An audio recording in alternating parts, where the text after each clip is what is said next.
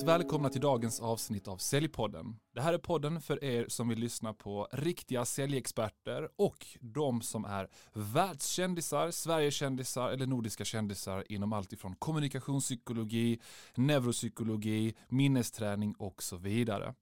Och idag har vi med oss Rufus Vienna och han är en välkänd expert på bland annat minnesträning, fokusträning och strategier på att läsa av och styra sin publik. Oavsett om det handlar om ett ett till ett möte eller en show framför tusentals personer. Han har haft möjligheten att både träffa och arbeta med storheter som världsmästaren i minne, Jonas von Essen, till USAs före detta president Donald Trump, för detta presidenten av Mexiko, Felipe Calderón och arbetar med ja, politiker där och inför politiska debatter och marknadsföring där för att hjälpa dem kommunicera till folket.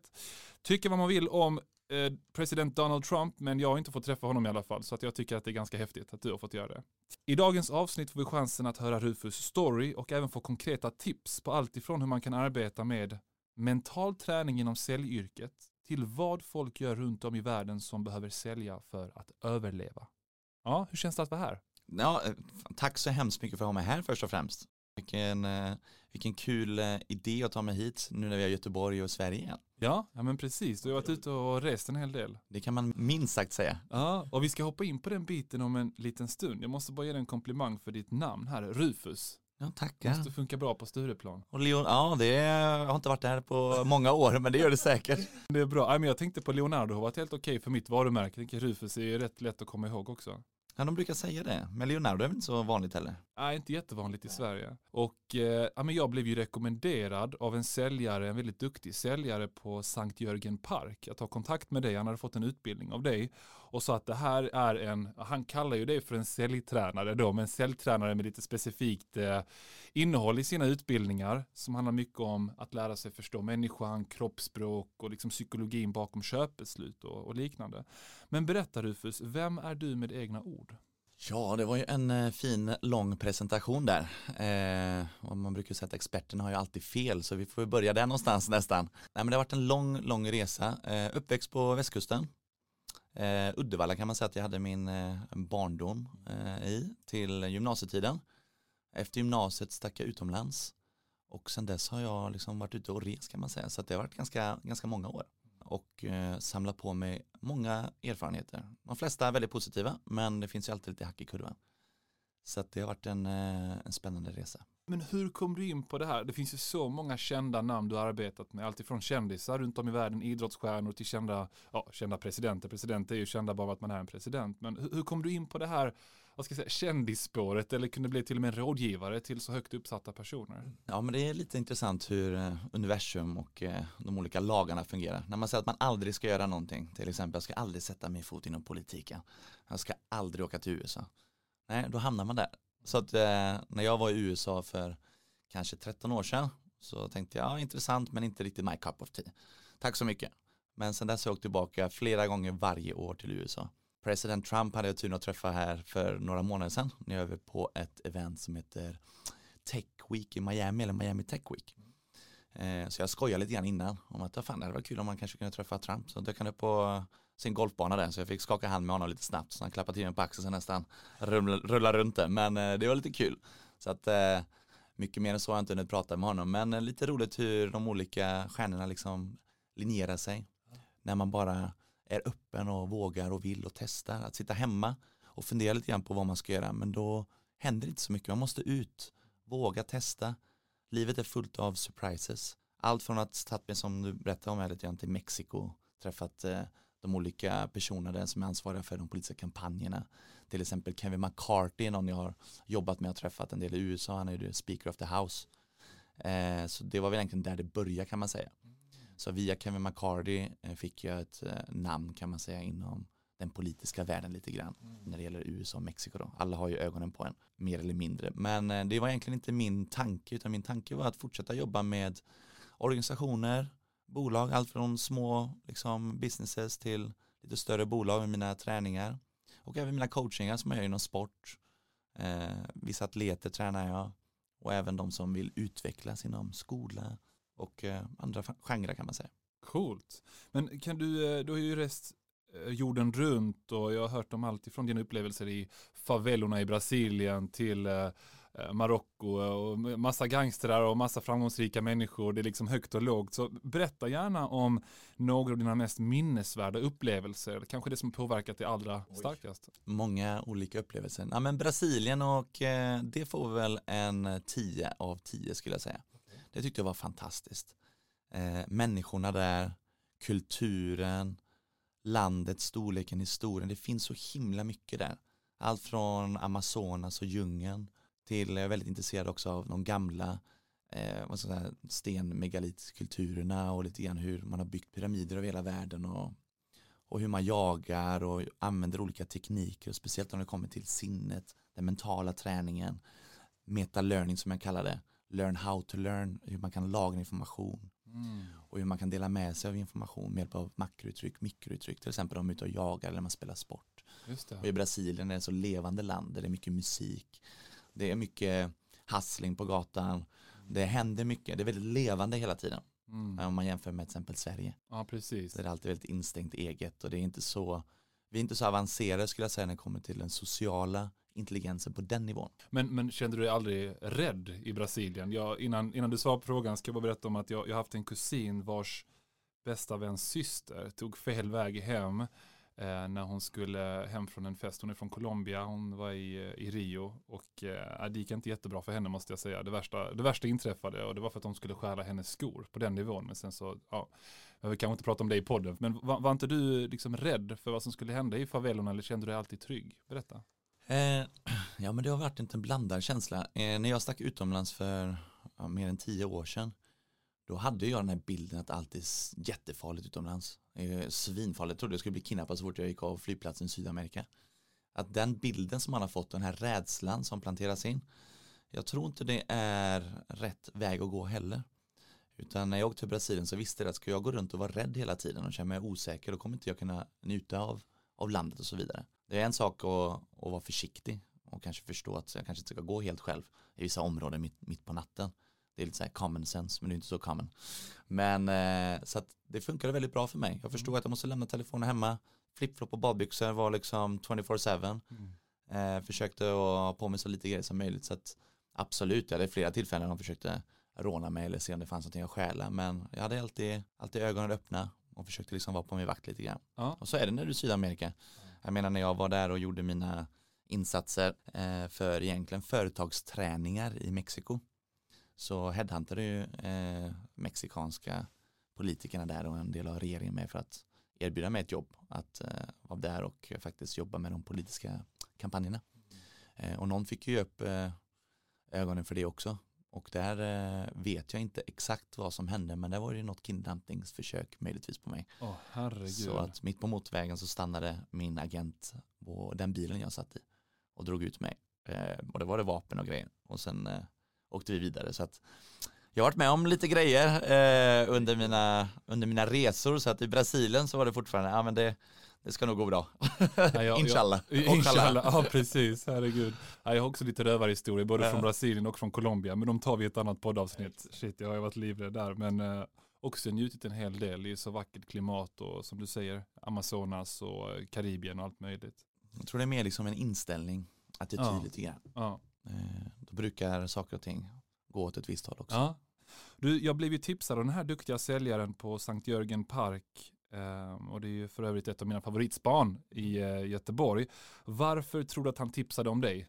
Eh, Du som är får magiker jag fråga vem det var? Var det duktiga Thomas Heden eller? Nej, det, det var det fakt- det var eh, Kasper. Ja, ja men han är grym. Hej Ja. Kasper, hoppas du lyssnar på avsnittet. Varför tror du att han tipsade om dig då? Nej men han är ju ganska lättmanipulerad så det är klart att han, han är på mina tryck.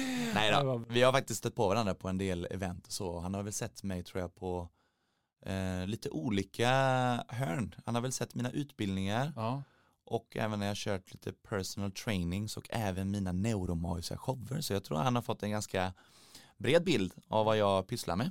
ja. Så därför tror jag han har rekommenderat eh, mig, för jag tror han tycker det är kul och spännande. Och vad tror du är det största värdet som du kan skapa för säljare och säljorganisationer där ute? Om du fick stå på en scen framför hundra personer, du visste att det här är hundra potentiella beslutsfattare och påverkare som arbetar med sälj. Vad tror du att spontant är det största värdet du kan skapa? Jag tror det är viktigt att kolla att man gör en, en, eh, en analys och en strategisk översikt också. Hur säljorganisationer och säljträning och hur säljare jobbar idag. För hela marknaden ändras så himla fort hela tiden. Beroende på plats, kultur och tid så är det olika tekniker som fungerar olika bra och olika branscher.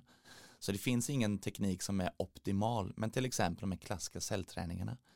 Varför ska man ta in en säljtränare för dem när du har instrument som AI? Du kan sitta själv och träna mot en robot som är så fantastisk, som hjälper dig och styr dig med alla de olika fenomenen, vinklarna, när du får eh, negationer eller när du måste förhandla om någonting. Det finns sådana verktyg idag som gör att varför ska du ta in en person och, och en proffssäljare då som mig själv då som de säger. Man måste på göra mig helt eh, i konken nu. ja, jag säljer säljträningar. Men man måste hitta de grejerna. Och lite det här värdet, det personliga värdet jobbar jag mycket med. Det här som vi gör just nu, att vi sitter faktiskt live här. Jag känner in rummet, det är lite varmt här, vi har kaffe. Det gör en helt annan sak, det stimulerar så många andra sinnen och signaler i din kropp samtidigt mm. än att sitta via skärmen eller göra något annat. Men man, kombinationen av de två är väldigt, väldigt bra tror jag. Så jag själv jag har alltid med mig AI-roboten på mina cellträningar ja. eftersom det är det nya och jag tycker det är ett helt fantastiskt verktyg. Ja. Så de få grejerna som AI-roboten inte kan göra, där lägger jag mitt fokus. Är det ChatGPT då som du tar med dig och som du har blivit en expert på att använda i dina? Ja, expert ska jag definitivt inte säga, men eh, jag har väl eh, kanske kommit lite längre än kanske de flesta. De flesta ja. Så att jag sitter ju och eh, försöker använda den så mycket som möjligt för att mm. ligga lite grann i framkant. Och det rekommenderar jag många andra också som, som jobbar som dig och mig, ah. som jobbar mycket säljare, att faktiskt ta in det verktyget. Eh, för jag själv upptäcker att det är fantastiskt, sparar jättemycket tid och eh, använder instrumentet live. Så att när jag är runt på mina cellträningar så har jag med den på skärmen och vi jobbar med roboten. Men det finns några saker som roboten inte kan göra. Och eh, en sån sak som till exempel har tagit mig runt hela jorden, som har öppnat alla de här dörrarna, som har gjort att jag får träffa Senior Vice President of Google, Jeff Huber, eh, Alan Eustace, han som uppfann Siri, iPhonen, Adam Shayer. Alla de här namnen som är namedroppar nu som folk kanske ser upp till i många branscher och tycker är, är väldigt stora och kommit långt. Anledningen till varför jag får träffa dem är lite det vi gör nu. Det här personliga mötet. Och det är samma sak som sälj eller vad som helst. Hur skapar man en känsla? Hur gör man att någon kommer ihåg dig eller gillar dig?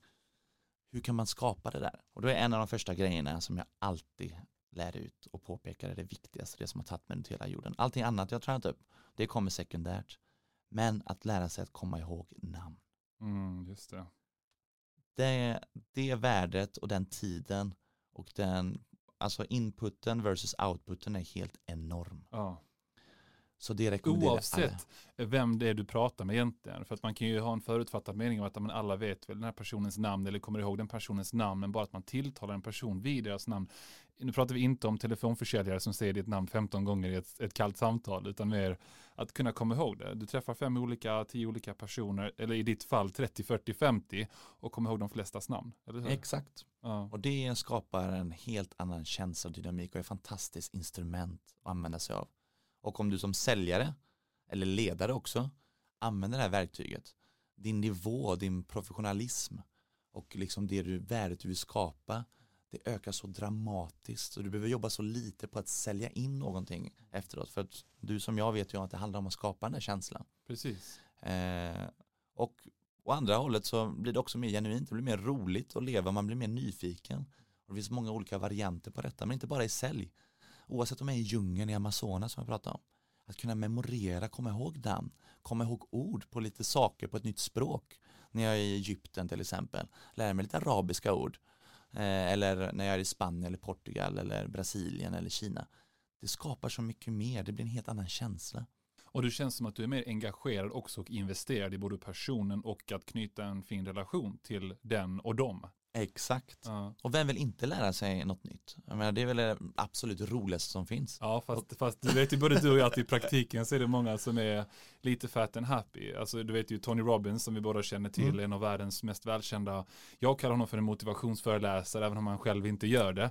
Eh, men han pratar ju om det här med mastery, som är en av tre grundpelare i att hela tiden känna sig lycklig, att, alltså att kontinuerligt satsa på att utvecklas, lära sig nya saker och de som har kommit in i det här, alltså den falska tryggheten av att inte göra det så fort de börjar utmana sig själva. Lite jobbigt i början men sen blir de bara lyckligare och lyckligare. Exakt, nej jag håller med. Jag håller med. Speciellt som med bakgrund som eh, atlet eller tränat väldigt hårt under lång tid och försöker nu bli, vad kan man kalla det, en professionell fotbollspelare. Men professionell har hört att de måste kunna livnära sig på det man gör så att jag kommer inte få den titeln. Men, men bli så duktig som möjligt i alla fall. Ja. Eh, att utmana sig själv och hela tiden bli bättre och det, det ligger någonting vackert i det. Jag tycker det är fantastiskt. Och hur får man någon att gilla en? Om man nu pratar om namnet, det är ju mm. såklart att komma ihåg namnet. Fast vi börjar där. Hur, om du då träffar fem personer i ett möte. Mm. Eh, det är en ganska liten publik för dig, men det är lite mer intensiv coaching säger vi. Och så kommer du ihåg att någon heter då Algot, säger vi, att personen heter. Hur kan du nyttja det här under mötets gång jämfört med hur de allra flesta nyttjar Algots eller inte nyttjar Algots namn för att få honom att tycka om dig? Ja, men vi kan eh, börja med bara namnet, att bara lära sig och komma ihåg namnet. Man brukar säga att ett egens namn är det vackraste ljudet. Så att du har kommit så himla långt bara där, men det är klart du kan göra mycket mer. Du kan ju komma ihåg och memorera precis på samma sätt massa personliga eller andra detaljer om Algot till exempel. Ja, det är ett 1800-talsnamn som eh, Algot här i studion eller utanför studion sa alldeles nyss. Man kommer ihåg lite olika detaljer, knyta ihop det precis som vilken, om vi nu ska prata om sälj då, säljare gör också för att skapa en, en kommunikation och en relation lite snabbt. Så att det är inte bara namnet i sig utan att använda den här tekniken går att anpassa på alla olika nivåer och också säga dimensioner. Men börjar du där, då behöver du nästan inte göra så mycket mer. Då är nästan affären i hamn om man kommer till sälj då. Ja. Men om vi ska ta lite större och gå till ett annat perspektiv. Eh, vi kanske ska börja med hur gör man? Ja. Eh, det finns jättemånga som berättar detta. Jag vet inte om du kanske har haft någon minnesmästare på din podd? Nej, nej. nej. Eh, det finns ett nyckelord som kallas för mnemonics eller från grekiska mnemonika. Och det betyder egentligen kan man säga minnesteknik. Eh, och det har använts i flera tusentals år. Det handlar om att skapa bilder, mentala bilder. Alltså en känsla och en bild nästan bättre att säga att man försöker skapa en liten, en liten film i huvudet. Men allt det handlar om att skapa bilder, man visualiserar det man ser eller hör. Där är nyckeln för att komma ihåg. Mm. Sen finns det lite andra tekniker och tips som jag såklart har finslipat efter att ha studerat eh, världsmästarna i minne som till exempel Jonas von Essen ja. från Sverige. Han, eh, eller Ramon Campayo som är Speed Memory Champion. Han är från Spanien, alltså han är världsmästare i snabbminne. Mm. Så han kan göra helt sjuka saker. Ni får nästan googla honom. Mm. Ramon Campayo. Just det. Coolt, han har säkert lite YouTube-klipp och ja, tips och tricks. Och sen har du Kim Peek som ja. går under det kända namnet Rainman. Ja, just det. filmen. Ja. Daniel Tammet till exempel. Mm. Som har savant syndrom som lär sig ett språk på en vecka. Att alla de här hjärnorna har jag studerat, lärt mig teknikerna och det som är viktigt att påpeka också att det jag har lärt mig, eh, jag är ingen övernaturlig människa eller någon sån här savant syndrom kille utan jag var ganska average i school eh, men insåg att jag använde min hjärna fel och började lära mig att man faktiskt kan använda hjärnan på ett annat sätt. Eh, så att jag, min, min största och första utmaning var väl att se om jag kunde lära mig ett annat språk förutom engelska och svenska. Eh, när jag åkte till Spanien. Och insåg, herregud, jag kan lära mig spanska jag pratar spanska, jag kan kommunicera på spanska, fasen vad häftigt. Och där började lite grann mitt intresse för att utveckla mig själv och fick den här wow-effekten och surprisen att wow, om jag kan göra detta, då kan ju vem som helst göra detta.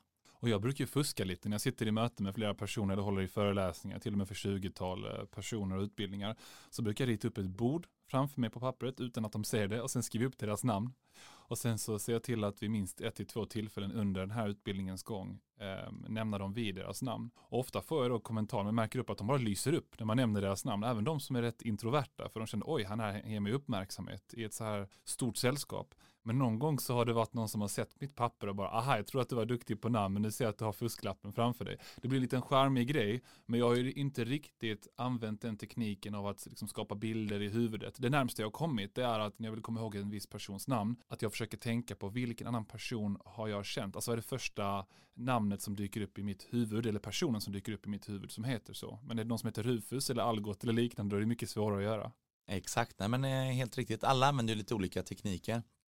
Sen är det viktigt att påpeka också att ingenting sätter sig kan man säga utan repetition. Att utan repetition kommer du att glömma mycket. Så brukar det vara när jag åker runt om i världen tänker jag Bakersfield, dit kommer jag säkert aldrig åka igen. Så att jag kommer ihåg namnen nu, alla de jag träffat och sen kommer jag tillbaka till, just ja, vad heter de? Och så, ja. Säger, ja, du är minnesmästare, kommer du inte ihåg?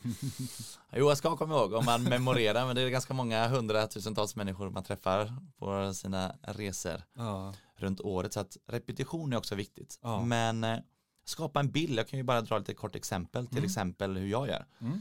Eh, alla gör ju på sitt sätt och man ska göra det som känns bäst. Det handlar om att skapa en känsla. Okay. Och skapa en positiv, rolig känsla, något som stimulerar som är kul. Mm. Det brukar man ofta komma ihåg lättare. Mm. Till exempel Algot. Eh, oh, hur ska jag komma ihåg det namnet? Så jag tittar på honom, han såg lite rolig ut, hade lite roligt hår, så jag tänkte jag gör någonting med håret. vad tänker jag på när jag hör ordet Algot? Då tänker jag på algodon som betyder bomull på spanska. Ja, det är det första jag tänker på. Ja. Och det brukar ofta vara den starkaste triggern. Så det första jag tänker på är den första triggern. Det brukar vara liksom den hjälp jag behöver för att komma ihåg det. Så att, Just, oavsett sen, om det är ett namn, en person, en plats eller vad det än kan vara, en sång till och med. Exakt, ja. så att jag bakar ihop lite bomull där på hans fina hår, utvecklar lite grann och försöker känna och liksom stimulera mina sinnen i min, min hjärna samtidigt. Hur känns det här bomullet? Hur doftar det här bomullet? Så du har doftat på Algots hår här i studion Exakt. utan att han är medveten om det. Så när vi kom in så tror vi hälsade på någon som heter Kristina om jag inte Ja precis. Exakt. Lite herbal essences där. Ja kanske exakt ja. så tänker du på Kristina men då kanske man tänker på någon som är kristen eller ja. kristall hänger du med? Ja, Och när du träffar mycket människor sen så får du en ordbank. Det. Så det kan bli samma bild alltid. Till exempel alla jag, som jag träffar som heter Anna doftar ju alltid ananas. Fan vad kul.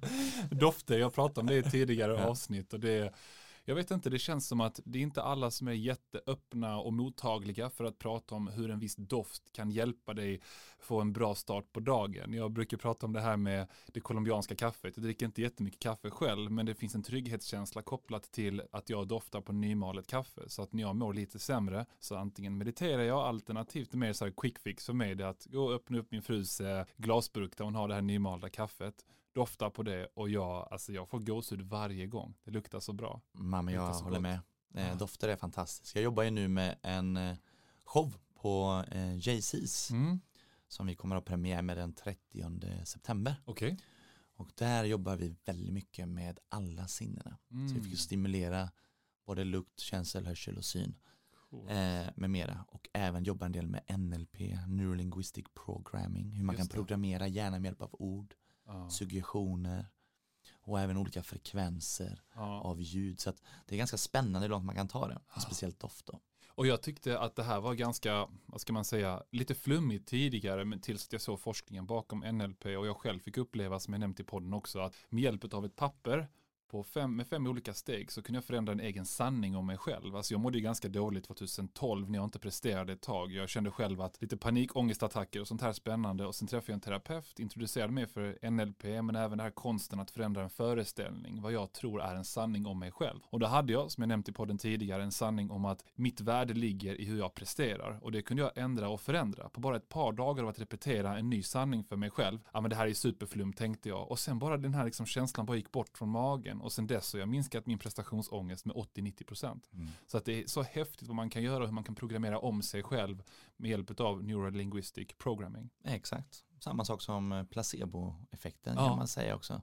Går in lite grann på samma spår. Exakt, och, och hjärnan är så, så mycket mer komplex och kan hjälpa oss till och med läka avancerade sjukdomar och allt möjligt. Och det vet ju du som har varit runt världen och till och med utbildad om detta. Så det, det är så häftigt. Exakt, och även det du nämner lite grann, att du bara fortsätter att träna repetition där igen. Mm. Tränar in den här idén, den här känslan, yep. precis som till exempel duktiga klassiska hypnotisörer gör. Eller coacher, mm. eller som i USA finns det mycket hypnotherapists. Ja.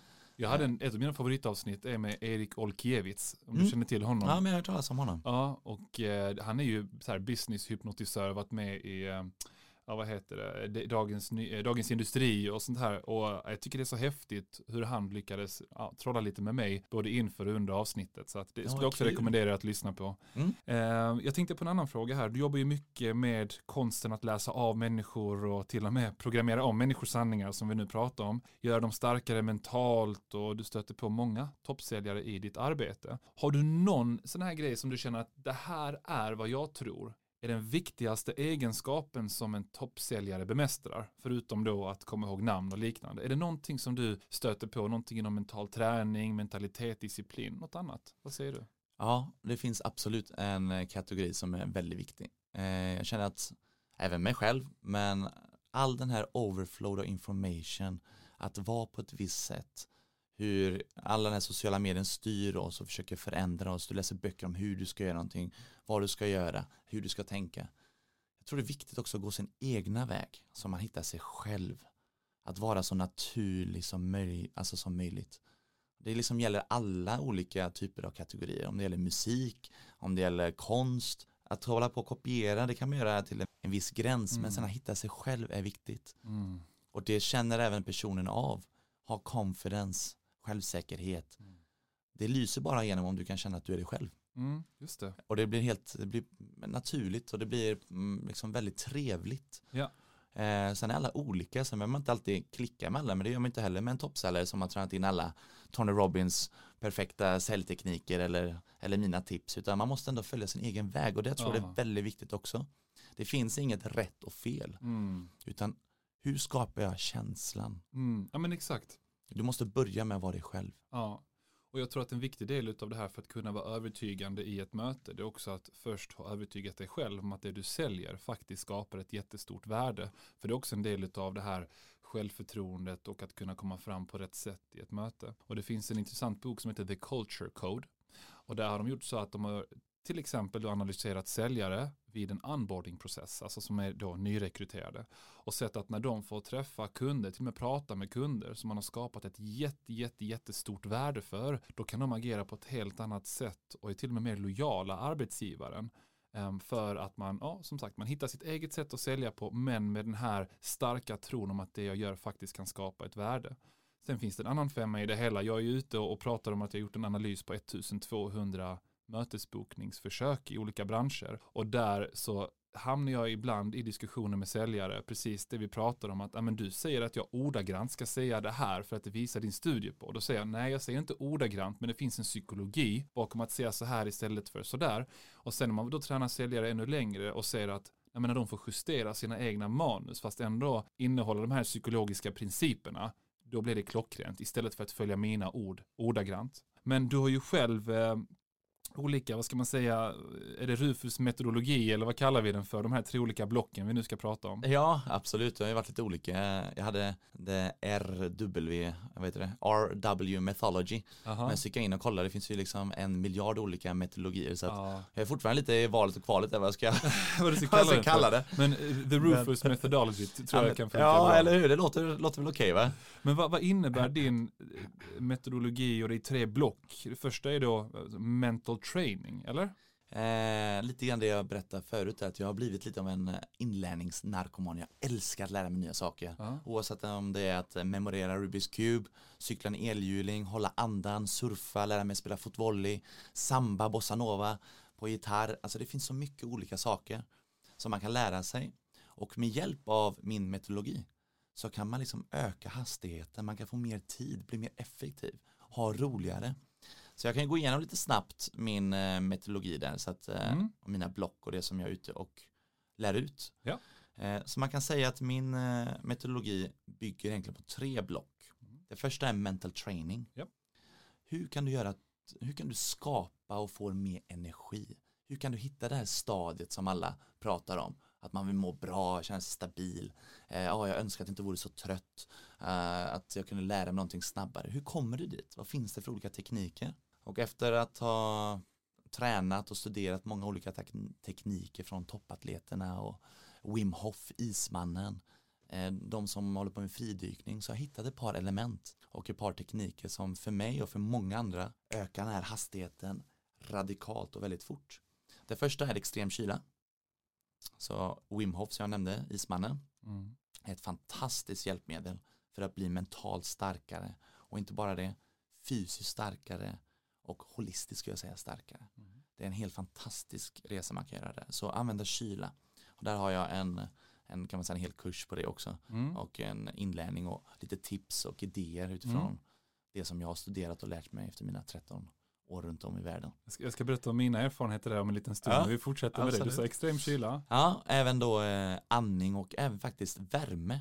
Okej. Så sauna och, eh, eller bastu Ja. som man säger i Finland eller Sverige. Ja, internationellt. Du har ju lite finska gener. Ja. så. Eh, så det kan man säga är lite grunden i mental training. Hur kommer man dit till det stadiet? Mm. Snabbast, enklast och hur kan alla ta sig dit? Mm. Får jag- Ska vi hoppa in eh, bara lite grann på detaljer här? Absolut. Jag, jag var extremt, eh, vad ska man säga, jag såg mig själv som en extremt känslig person när det kom till det här med extrem kyla. Det var ingenting för mig. Jag vet inte vad jag skyllde på. Äh, när jag var yngre kunde jag skylla på att jag hade för lite underhudsfett. Men nu kan jag inte skylla på det för jag har fått de här papparingarna runt magen också. Men sen så, så, så blev jag utmanad för jag är en tävlingsmänniska. Jag var då på spa med min fru och ett par kompisar och så såg jag hur de bara liksom tog sig in i den här iskalla poolen då på Sankt Jörgen som vi pratade om tidigare. Jag bara, ah, men jag ska också lyckas med det. Och efter det så släppte en spärr hos mig. Jag blev mycket, mycket lättare. Så att nu börjar jag varje morgon på vardagen, inte på helgerna, då lyxar jag till det. Men med att åtminstone träna i 15 minuter, jag har ju byggt ett litet hemmagym, och sen köra en iskall dusch i ett par minuter. Och jag började ju inte med det kallaste vattnet. Jag började liksom lite så här ljummet och sen lite kallare, lite kallare, lite kallare. Och idag klarar jag av en ganska kall temperatur. Och jag har blivit beroende utav det. Och jag märker att även jag har sovit ganska dåligt under en natt och jag tar en kalldusch jämfört med om jag har sovit dåligt en natt och inte då hinner med kallduschen. Disciplin handlar det egentligen om. Jag är så mycket piggare under hela dagen. Så berätta gärna det här, alltså hur kan man, var börjar man någonstans? Måste man ha ett liksom isbad på, på terrassen eller på balkongen eller var, var börjar man någonstans med extrem kyla? Nej, och lite grann som du sa där i början att eh, jag egentligen också, eh, vad ska jag säga, jag har varit en liten badkruka, jag avskydde kallt vatten. Mm. Det är det värsta jag kunde tänka mig. Men när jag satt från ett flyg en gång från eh, Malaga upp till Göteborg så såg jag i Norwegians Magazine som hade där att fasen ismannen, han håller på med isbad och så vidare. Så läste jag lite grann om de fysikaliska processerna och just det att han hade faktiskt kunnat bevisa för vetenskapen och har nu vetenskapliga studier på hur han var den första av 16 000 olika personer som kunde liksom resistera en E. coli-bakterie som man injicerade honom. Han fick inga symptom. Och det gjorde att jag blev ännu mer fascinerad och Mm. intresserad. Jag tänkte, fasen jag måste lära mig detta. Och då kände jag till de klassiska teknikerna för hur man kan använda till exempel autosuggestion som det heter eller självhypnos för att komma ner i varv och koppla bort smärta, kyla mot värme. Så att det Det tog finns inte... ju munkar så runt om i världen som inte ens känner någon smärta. Eller de kanske känner smärta fast de har lärt sig tänka bort smärtan. Exakt, så att det tog mig inte många, många dagar innan jag hade lyckats programmera om min hjärna, precis som du pratade om NLP där. Mm. Så låg jag uppe i snön i Skatås och tränade där. Men eh, hur börjar man? Jag tycker kallduschar är ett fantastiskt bra sätt att börja. Som du säger, man börjar med sin vanliga dusch och sen sista, sista se sekunderna så skruvar man om till det kalla vattnet. Och där kan vi välja att gå i steg eller om man vill försöka gå över till det kallaste direkt och se hur länge man klarar det. Och träna på faktiskt att koppla hjärnan och göra lite sådana här mentala övningar. Mm. Att utmana sig själv. Alla pratar om att komma ut från the comfort zone. Men det gör så himla mycket. Det blir nästan ett beroende när man börjar utmana sig själv. Och det hjälper en i många andra delar av livet också. Bara man utmanar sig själv och, och har den här vinsten till exempel då på morgonen Mm. när det ger en jättefin effekt. Jag lyssnade också på ett poddavsnitt med eh, eh, Mr. Huberman, en av världens mest eh, välkända poddprogramledare då, eh, som hade en dansk professor. Hon är en av de ledande psykologerna och eh, psykologerna, forskarna kring det här med kallbad och liknande.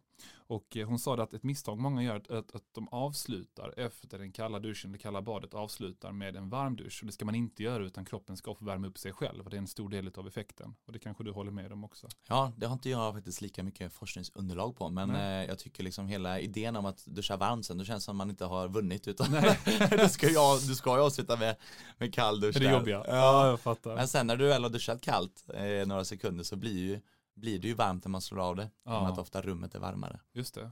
Så att, eh, nej det håller jag med om. Men det är faktiskt eh, fantastiskt. Och forskningen och de olika experimenten bara, bara fortsätter och fortsätter. Ja. Det finns fantastiska health benefits Ja. att hålla på med vad heter cold plunges eller att, ut, att utsätta kroppen för extrem kyla. Just det. Och vi får se ifall vi hinner med lite andningstekniker och sånt där spännande. Jag Mm. själv blir ju en riktig, eh, jag ska säga torsk på meditation efter att jag hade den här perioden 2012-13. Och det har hjälpt mig otroligt mycket. Det är så sjukt. Det är, många tycker fortfarande att det är lite flummigt. Men jag var ju också tvungen att läsa lite forskningsrapporter för att bli övertygad om kraften i meditation. Och nu tillåter inte jag mig själv att ha en dålig, vad ska man säga, en dålig period som sträcker sig över flera dagar. Utan så fort jag märker av att jag har haft en riktigt dålig dag, ja, men då mediterar jag tills att jag mår bra igen. Det är på den nivån. Och bara jag får lite perspektiv på det med hjälp av meditationen så mår jag mycket, mycket bättre. Så du har säkert hur mycket erfarenhet som helst. Jag har ju sett de här galna videosen på Wim Hof och alla andningar och alla sitter och liksom gråter. Det ser nästan lite sektliknande ut. Jag vet inte om du har haft liknande upplevelser. Ja, nej, jag, jag kör väl kanske inte riktigt hans eh, stuk. Utan Du får inte hitta, gråta, eller? hitta min egna variant. Jo, men gråta har jag fått. Fast det är på mina andra block sen. Så det kommer komma till alldeles, alldeles strax här. All right. Men eh, det du nämnde, att ha ett, jag kallar det för first aid kit. Ah, Alltså för en sån här, som du säger, man kanske bara har lite, även män kan ha det, eller man är lite i obalans. Ofta är det liksom inget allvarligt. Det är någonting man bara känner att eh, tomhet, meningslöshet eller vad det nu kan vara. Kanske har varit dåligt väder i Göteborg i en vecka. eller ett nej på en stor affär. Ja, eller hur? Så att det behöver inte vara så komplicerat, men att ha vissa grejer som triggar igång det snabbt, som du vet att ah, men det här gör att jag kommer igång. Ja. Och det missar man ofta. Till exempel en sån sak som att ha en musiklista redo. Med lite låtar. Alltså, hur många gånger har inte du slått på en låt och du bara liksom kommit Exakt. igång direkt och gått från en må en två av tio till att må tio av tio direkt. Exakt. Eller en person man kan ringa till som man får något må bättre. Eller en doft som vi pratar om. Ofta fastnar man i, du märker också av det här, det är nästan en frustration, både du och jag kan känna när vi coachar folk, att man fastnar i det här, tycka synd om sig själv och omvärlden och allting är fel, eller nästan en bekvämlighet för att fastna vid en dålig känsla, istället för att ta tag i den genom någon sån här teknik. Helt riktigt. Men eh, och sen är också västvärlden och vi kan komma gå in på lite senare att alla är så himla bekväma här. Att ett Mm. problem här jämfört med ett problem i så att säga, majoriteten av delarna av Mm. världen. Det är så an, olika perspektiv och det formar dig såklart och dina values och eh, jag tycker det är lite det är klart, hade jag inte åkt utomlands och bott utomlands och lärt mig språken och kulturen så hade jag inte kunnat uppleva det på samma sätt. Mm. Men det gör också att du får ett annat perspektiv. Lite grann, vad är ett problem och, och liksom må lite kymigt någon dag. Det är okej, Ja. embrace it. Eh, kan jag må bättre? Kan jag säkert. Jag har ju min lista. Eh, ta en kalldusch, ut och springa som du säger, lyssna på musik, ringa en kompis, basta, eh, kolla på en dokumentär, göra någonting helt annat, kolla på en film för det gör jag sällan. Utan jag ska hela tiden kolla på någonting matnyttigt och lära mig någonting. Det finns så mycket. Ja. Att man har det till hands, det brukar vara en bra rekommendation. Ja, emergency kit. Nästa block, Ja, meta-learning japp. som betyder egentligen learn how to learn. Mm. Vad finns det för tekniker som kan göra att du lär dig saker snabbare? Var vi inne på det lite grann? Mnemonics är lite grann grunden här. Mm. Hur kan du lagra information snabbt i huvudet? Hur lär du dig någonting snabbare? Ja, vi vet att de som lär sig snabbast är ju barn. Varför? Därför att de har väldigt kul, roligt, fantasi. De skapar bilder. De bara njuter av resans gång. De har inga begränsningar. När man blir äldre så sätter vi begränsningar. Nej, jag kan inte det, jag är gammal. Nej, men det där kunde jag för. Skapa de här falska, vad kallas det, real, realiteter eller Ja. falska bilder. false ja, precis. Exakt, att det, eh, man måste komma tillbaka till det där roliga Mm. Och eh, förstå att det finns andra sätt faktiskt att ta in information och lagra det på. Så att jag tycker det är lite tråkigt när folk säger jag kan inte lära mig ett språk eller det tar mig mycket, mycket längre. Mm. Eh, det som är roligt är när man motbevisar dem på alla mina utbildningar eller shower. Wow, kan jag också göra detta? Ja.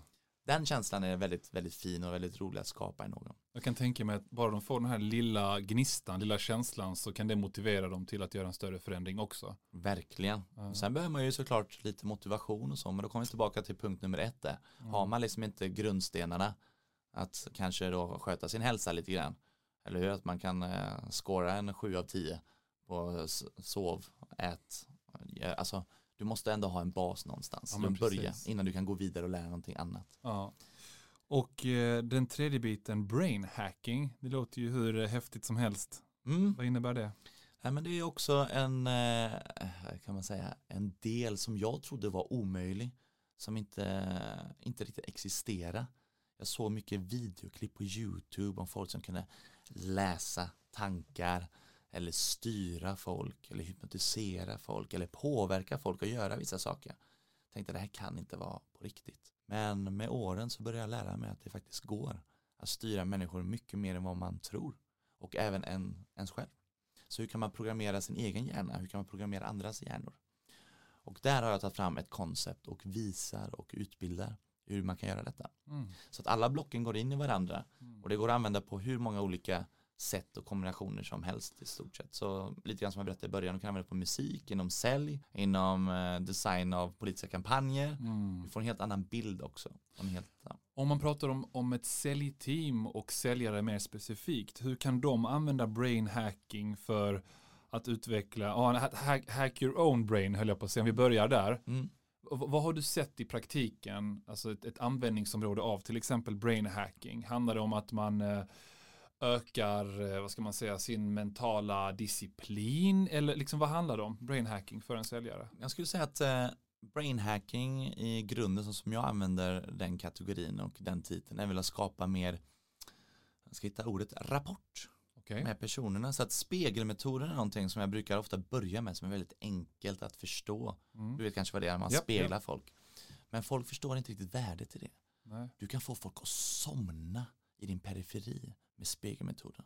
Du kan använda sådana här klassiska universella, universella signaler som att gäspa och börja styra helt rum och få alla andra att gäspa. Sådana reflexer. Du, det minns jag under en föreläsning jag hade när jag pluggade till ekonom i Lund, att det var någon som började hosta typ en kvart in och så började hela publiken hosta. Jag bara, vad är det som händer här inne? Och gäspa vet ju själv att det är smittsamt också. Exakt. Och alla de här signalerna eller dra sig i håret. ja, Okej, men då är hon intresserad. Alltså det finns många sådana signaler just det. som är universella som man kan jobba med. Och som säljare då att skapa en rapport, en kommunikation, en känsla. Att förstå sin egen, så att säga sina egna mönster och sin egna spegling. Mm, Och sen förstå hur andra speglar det och hur den kombinationen fungerar. just det. Det är en fantastiskt bra start Just det. om man ska komma in på brain hacking. Och där Mm. sen finns det hur många olika nivåer som helst. Mm, Det har ju tagit mig, ja, egentligen hela mitt liv att ta mig till den nivån jag är idag. ja, hela tiden försöka utmana mig själv, misslyckas, misslyckas, misslyckas. Ja, nu misslyckas jag lite mindre, lite mindre, lite mindre och sen börjar man till slut hitta rätt. just det. Och om jag ska summera ett par av de praktiska tipsen som våra lyssnare har fått idag, Mm. så är ett praktiskt tips det här med att skapa mentala bilder, en känsla för att kunna komma ihåg till exempel namn och andra detaljer i till exempel ett säljmöte för att kunna få den andra personen att tycka om dig mer och komma ihåg dig mer. Eh, Ett annat tips det är det här med eh, extrem kyla och att kunna till exempel då börja med lite duschar, kallduschar på morgonen och se hur det här förändrar hela din dag och till och med ditt perspektiv. Och det tredje tipset det är det här med liksom learn how to learn, eh, mnemon, eh, vad heter det, mnemonics. Ja, mnemonics helt Ja, mnemonics, Ja, precis. exakt. Och hur man kan träna sig till att till exempel lära sig en ny färdighet snabbare på det sättet. Och spegelmetoden har vi pratat om Eh, många gånger tidigare, men det är också säljare fått höra om, men det är inte alla som nyttjar det här i praktiken och kanske till och med nyttjar det på fel sätt. Så berätta, hur, hur- nyttjar man spegelmetoden på fel sätt så att det nästan känns manipulativt och hur nyttjar man det på rätt sätt? Vad är liksom the perfect way att nyttja spegelmetoden? Jag tror som allt så är det träning bakom. Man kan inte liksom gå ut en gång, två gånger och eh, analysera sig själv och ett, ett, ett försök utan processen handlar om att misslyckas för att lära sig. Så att om man ska förstå storheten i spegling eller vad man än gör så måste du våga testa.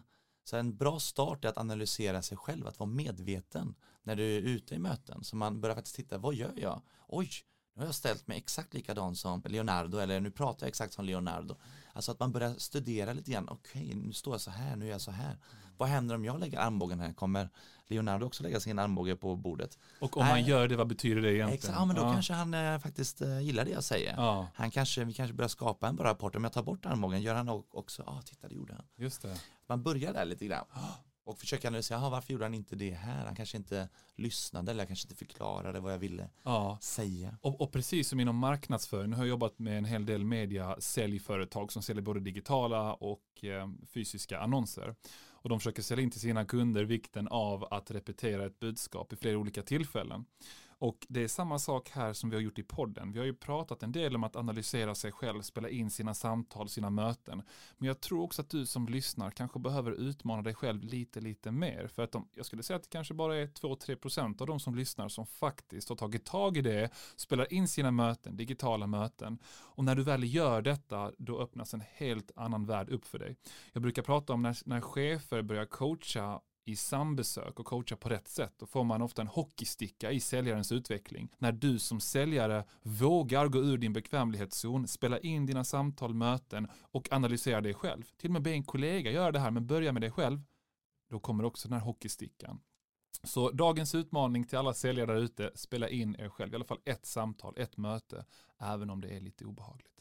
Absolut. Ja, nej, grymt. Är det någon bok förresten som du har läst eller som du jag tänkte på det här när du sa att ens eget namn är det käraste man har. Det citatet kommer ju från, nu får du rätta om jag har fel, men en av mina favoritböcker som heter How to win friends and influence people av, eh, jag tror att det är Dale Carnegie som skriver den här boken eh, om då, ja precis, How to win eh, friends and influence ja, people. Nog, ja. ja, jag tror att till och med är en av Barack Obamas favoritböcker, har nämnt på Oprah Winfrey Show någon gång. Lite häftigt. Men är det någon annan bok som du skulle rekommendera eller något TED-talk eller något annat som du känner, men det här är bra inspiration, förutom att köpa dina utbildningar och inspiration? Nej men absolut, eh, det finns många eh, böcker, men om jag skulle välja någonting lite grann åt det här temat som vi pratar om idag, så skulle jag nog säga att, eh, jag vet inte om du har läst boken Thinking Fast and Slow. Jo, det, det, har jag gjort. Men jag tyckte att den var ganska jobbig. Den är ganska tung, absolut. Men om man är intresserad och mm. studerar lite grann och börjar med den tekniken, jag tror att det kommer öppna sig upp en helt annan värld där. Ja. Också. Eh, vill man ha något lite lättare eh, att börja med, då skulle jag nog rekommendera eh, Richard Bandlers eh, jag tror den heter Frogs and Princesses eller Princess mm. and Frogs. Ja, är det nog inte läst? Den är väldigt bra Perfekt. skulle jag säga. Men då får man vara lite insatt i hur NLP, Neurolinguistic Programming fungerar. Ja. Betydelsen av det, lite hypnos, spegelmetoden. Jag skulle rekommendera att man läser på lite grann. Cool. Även Darren Brown skulle jag rekommendera varmt att kolla på på YouTube som är en illusionist eller psykologisk mentalist eller ja. jag vet inte riktigt, han har väl ingen titel men han skulle jag googla lite grann på också. Det finns Coolt. mycket spännande grejer där. Ja, och de som vill ta kontakt med dig Alltså jag skulle säga att Rufus, det är ett så unikt namn, så skriv det på LinkedIn. Är du aktiv på LinkedIn? Nej, jag är faktiskt inte det. Jag har haft eh, nere mina sociala medier kan man säga nästan eh, undantagsfritt i över tio års tid. Mm. Men nu har jag faktiskt en Twitter så där kan man gå in. Twitter, ja. ja. Det är inte jättemånga i Sverige, lika många som i USA som har Twitter. Jag tänkte jag skulle göra bra reklam för det på, på LinkedIn där de flesta businesspersoner hänger i alla fall. Men ja. okej, Twitter då? Twitter, ja men det är Rufus eh, Viena. Ja. Så att eh, man Rufus hittar mig. Viena och Viena det är med W. Yes. I-E-N-A. Exakt. Perfekt. Eller min hemsida är ju också en bra plattform. Ja, precis. Så ni kan ju googla Rufus Viena. Jag har hört jättefina saker om det och hur duktig du är, både på att underhålla, inspirera, men även på att utbilda och förändra beteenden på riktigt. Så det var ju eh, kul. Eh, riktigt, riktigt starkt tips här från mitt håll att ta kontakt med Mr. Rufus. Och vill ni ha lite mer känsla för vad jag skapar och vad man kan göra med hjärnan på ett underhållande roligt sätt så rekommenderar jag att komma till stan i Göteborg mm kolla på den här föreställningen. På Jaycees, det här ja. häftiga hotellet nybyggda. Exakt, så ah. har vi en föreställning som heter Symphony of Illusion. Wow, Symphony of Illusion. Exakt, den har premiär 30 september. Så där kommer ni kunna få mycket fina perspektiv på vad man kan göra med kropp, hjärna och själ. Just det, får vi hoppas att det här avsnittet kommer ut innan 30 september då, så vi får bra reklam för det. Äh, grymt, Leonardo Johansson heter då jag. För er som är trogna lyssnare så vet ni ju det sedan tidigare. Men ni får jättegärna lägga till mig på LinkedIn. Jag erbjuder just nu en gratis, ett gratis test av mina digitala kurser. Där ni får lite digitala då, säljkurser online. Helt kostnadsfritt. Och då skriver ni till mig på LinkedIn. Tjena Leo, jag vill ha en eh, gratis digital kurs och så skickar jag länken till er. Men eh, ja, stort tack Rufus, det har varit jättekul att ha med dig här. Du är verkligen tack, grym tack. och inspirerande och eh, du påminner mig om en av mina förebilder, Timothy Ferris, Tim mm. Ferris, som har skrivit The Four Hour Work Week. Nu säger inte jag att ni där ute ska, ska liksom börja jobba fyra timmar istället för testat 40 den? timmar. Jag har testat massa metoder därifrån. Ja. Ja. Hur gick den 4 hour work week? Eller, Nej, alltså jag har inte jobbat fyra timmar under en vecka. Det lyckades jag inte göra under min semester, ska jag säga. Däremot så, just det här han pratar om att outsourca, Ja. alltså det är väldigt osvenskt egentligen. Alltså, och eh, jag har outsourcat jättemycket mer idag än vad jag gjorde tidigare för att kunna hinna med. Mm. Och han pratar bland annat om att det finns människor runt om hela världen som tycker att 7 dollar, 8 dollar i timmen är en väldigt bra timpeng till exempel. Som kan göra många uppgifter som du inte ska behöva göra för att fokusera på det du gör bäst. Men en av sakerna jag lärde mig därifrån som fortfarande väcker lite frustration hos många jag träffar men som de får lära sig acceptera det är att jag inte har några notiser på på min mail. Alltså inga notiser överhuvudtaget, för jag vill inte bli avbruten eh, i det jag gör. Det finns ju en studie från South Florida Business School, tror jag att det är, som tyder på att det är runt 23 minuter i snitt som det tar för en kontorsarbetare att återgå till samma koncentrationsnivå som man hade innan man blev avbruten. Inte att du sitter still i 23 minuter, men det tar 23 minuter Nej men helt riktigt, det har jag också Ja. hört så, och känner till det nästan lite grann också. Ja men precis, så att eh, mycket har jag lärt mig av honom och jag fortsätter läsa den boken om och om igen. Vad kul. Nej, grymt, jättekul att ha Tack med så dig här. jättemycket för att komma hit, det var Ja. roligt att köra lite podcast. Ja, grymt. Rufus Vienna och Leonardo Johansson, Twitter respektive LinkedIn. Ha det gött alla lyssnare.